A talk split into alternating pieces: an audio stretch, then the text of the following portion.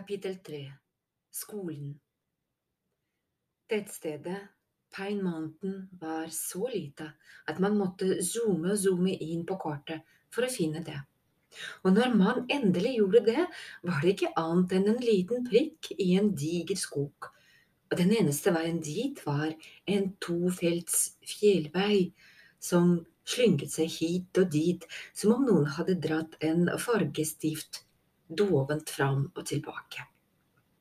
Pine Mountain lå ikke engang på rett plass. Opprinnelig hadde stedet fungert som forsyningsleir for gruvedriften i 1850-årene, men så var byen blitt ødelagt av en stor flom. Senere ble den gjenoppbygd lenger oppe i kløfta, utenfor Big Stevens elvs rekkevidde. Suvenirbutikken, som også fungerte som postkontor og iskremkiosk, var byens eneste autentisk historiske bygning. Resten var en tilfeldig klynge små butikker, skur med bølgeblikktak og trekantede hus med spisse gavler. Pine Mountain hadde én bussholdeplass, ett trafikklys og én skole, alt sammen i det samme krysset. Skolen var en lav murbygning med et digert anker utenfor. Arle syntes det var rart at en skole høyt oppe i fjellet skulle ha et anker som symbol. Moren sa det var til ære for en berømt admiral som hadde vokst opp i byen og kjempet under andre verdenskrig. Arlos mor hadde også gått på Pine Mountain skole da hun var liten, og hadde faktisk møtt admiralen under en høytidelig seremoni da ankeret ble avduket. Arlo prøvde å se for seg moren som barn, men klarte det ikke. Ankeret hadde rust på seg. Moren var enda eldre enn det rustne ankeret. Skolen hadde elever helt fra barnehagealder og opp til åttende klasse. Niendeklassinger som JC måtte ta buss til Havlik to og en halv mil unna. Arlo var glad for å gå på en annen skole enn søsteren, men skuffet over at han fortsatt måtte gå på barneskolen. I Chicago hadde sjette klasse vært mellomtrinnet, og de hadde holdt til en bygning for seg selv. Arlo satt på skolekontoret mens moren fylte ut papirene. Det virket i føttene. De beste joggeskoene hans var litt for små, men han hadde ikke noe lyst til å klage. Til venstre kunne han se sykepleierens kontor. Det var der han først fikk øye på Henry Woo, som var dekket av en lys purpurblå guffe. Alle skulle snart få vite at Henry Woo ganske enkelt ble kalt Woo, for det var tre andre Henryer på klassetrinnet. Og det var lett å huske Woo på grunn av guffa. Guffa var i Woos hår og øyne og ører og munn. Den boblet ut av neset hans når han pustet. Enda rarere enn den klissete purpurrøde væsken var lyden. Hver gang hun rørte på seg, hørtes lyden av klirrende klokker. Det fikk alle til å tenke på jul og vingjeller og, og flipperspill. Bortsett fra at lydene kom fra Wo, eller nærmere bestemt fra den guffa som dekket ham. Arlo prøvde å huske om noen annen væske lagde sånn lyd. Havet buldet høyt når bølgene slo mot skjærene årlige frestet når man varmet det opp i en stekepanne. Men ingenting klirret som gjelder, bortsatt fra bjeller. Og denne guffa. Skolesykepleieren, en eldre dame med dinglende tyrkiske øreringer, begynte å spraye på med en sprutflaske og prøvde å gni av den purpurrøde smørja med grove, brune papirhåndklær. Arlo visste at det var frekt å stirre, men han klarte ikke å la være. Det var fascinerende. Knip igjen øynene hardt, vennen min, sa sykepleieren før hun sprayet vår rett i ansiktet. Uansett hva guffet var, måtte han gnikke hardt for å få det vekk. Og for hvert strøk hørtes mer bjelklank. Til slutt åpnet Fu øynene og fikk se at alle fulgte med på fjerningen av den purpurfargede gugga. Sykepleieren fulgte blikket hans, sykket og lukket døra for å få frihet. Arle så opp da moren kom tilbake sammen med rektor, en skjeggete mann med bukseseler. Ja, Arle Finch, skal vi finne en klasse til deg? Sjetteklasselæreren het fru Meyers. Til Arlas lettelse slapp han å presentere seg for klassen som på de andre skolene. Fru Mers sa bare at han skulle finne seg en ledig plass mens hun avsluttet mattetimen. I dag hadde de brødgreining, men det kunne alle fra før av. Omtrent ti minutter senere gikk døren til klasserommet opp, og Harvey Vu kom inn. Sykepleieren hadde fått bort det meste av den purpurrøde guffa, men han hadde fortsatt noen flekker rundt ørene. Klassen reagerte med høying og latter, men ikke sjokk, la Arlo merke til. Syntes det var mer festlig enn bemerkelsesverdig, noe som i grunnen var rart. Hvis en gutt hadde kommet inn i klasserommet med purpurrød ansikt på noen av de andre skolene han hadde gått på, ville det naturlige spørsmålet ha vært hva har skjedd? Men i Pine Mountain virket det som om alle elevene skjønte hva som hadde skjedd, og mange av dem syntes visst det var rasende festlig. Fru Mers skjeftet på klassen. Det holder, finn plassen din, Henry. Men mumlingen fortsatte. Wulfs pult sto i motsatt ende av rommet. Da han gikk dit, hørtes svake klirre lyder som fra sånne halsbånd med bjeller som noen katter går med. Hele klassen prøvde å ikke le, men det ble visst bare enda morsommere av å prøve å holde igjen. Da Vø omsider fikk tatt plass ved pulten, ble han sittende så stille han kunne. Arlo satt redd bak ham, så nær at han hørte det da en mørkhåret jente med fregner bøyde seg mot Vø og hvisket, Har du seriøst ikke lest Fjeldboka? Jeg har lest den, hvisket Vø tilbake. Jeg ville bare putte en i en krukke. Du skulle ta merke til titting, ikke innsamling, måten hun sa ordene på. Hva var den purpurrøde guffe for noe? Og hvor lenge var det til friminutt? Det siste svaret kom først.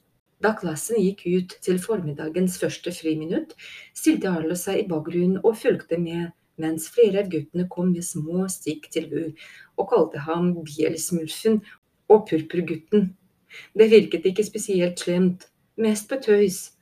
Hvorfor har dere flyttet hit? spurte Indra, som plutselig sto ved siden av ham. Ingen flytter til Pine Mountain. Familien min var de siste, og det var for tre år siden. Og det var bare fordi stedet trengte en ny lege etter at den gamle døde. Hvordan døde han? spurte Arlo. Han var ute på sopptur. Pass på, for de giftige ser ut akkurat som de spiselige. Men så ble han angrepet av en fjelløve. Han la på sprang, ramlet utfor en stup og ned i en iskald elv. Dessuten var han 85. En kombinasjon av ulike faktorer, altså. Mens hun snakket, samlet hun det tykke håret inn i en strikk. Så hvorfor har dere flyttet hit? Mamma er oppvokst her, sa Arlo. Vi har et hus i Green Pass Road. Dere bør passe dere, sa Merly Myers, en høy jente med lange krøller. Hun hadde en rar, syngende stemme, som om alt hun sa liksom skulle være poesi. Det bor en gjerning i Green Pass Road. Han stapper ut døde dyr og selger dem. Hun siktet utvilsomt til onkel Wade, men Arlo sa bare akkurat. Da Wu kom bort til dem, pekte Indra på Arlo. Vi har advart ham om skogsopp. Og gjerningen i Green Pass Road, sa Merli. Den typen har verkstedet sitt på baksiden av huset, sa Wu.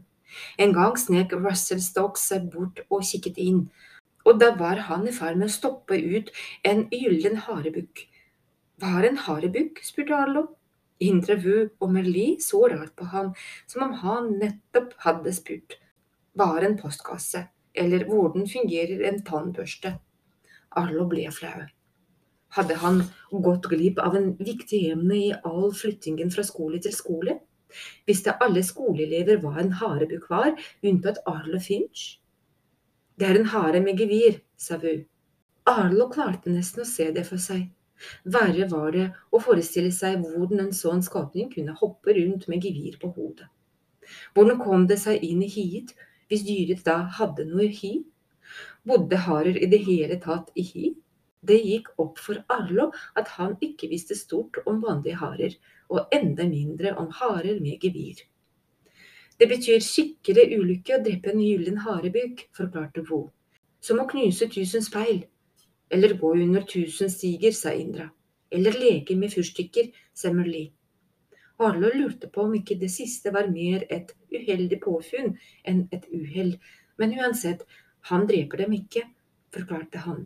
Han dreper ingen dyr, han bare finner sånne som allerede er døde, og får det til å se ut som de lever. Indres øyne ble smale. Hvordan vet du det? Jeg har lest en bok om det, sa Arlo. Det var en løgn. Det heter taksidermi. Akkurat det var sant. Det virket tilfelds med svaret, men Arlo fant ut at det var lurest å gå over til en helt annen samtaleemne. Han pekte på det som var igjen av purpurrød guffe under Vus øre. Går det bra med deg? Jeg tar en dusj når jeg kommer hjem, sa Vu. Vanlig såpe dyger ikke, sa Indra. Du blir nødt til å bruke regnvann, eller enda bedre, hjorturin. På side 96 i fjellboka står det et helt avsnitt om alvebiller. Arla var på nippet til å spørre om hva alvebiller var, men da så hun på ham. Har dere sånne der du kommer fra? Det er klart de har det, sa Indra før Arlo rakk å svare. Alle biller kommer fra langskogene, og landskogene finnes overalt. Ikke i verdensrommet, sa Vu. Nei, ikke i verdensrommet, så klart, men overalt ellers.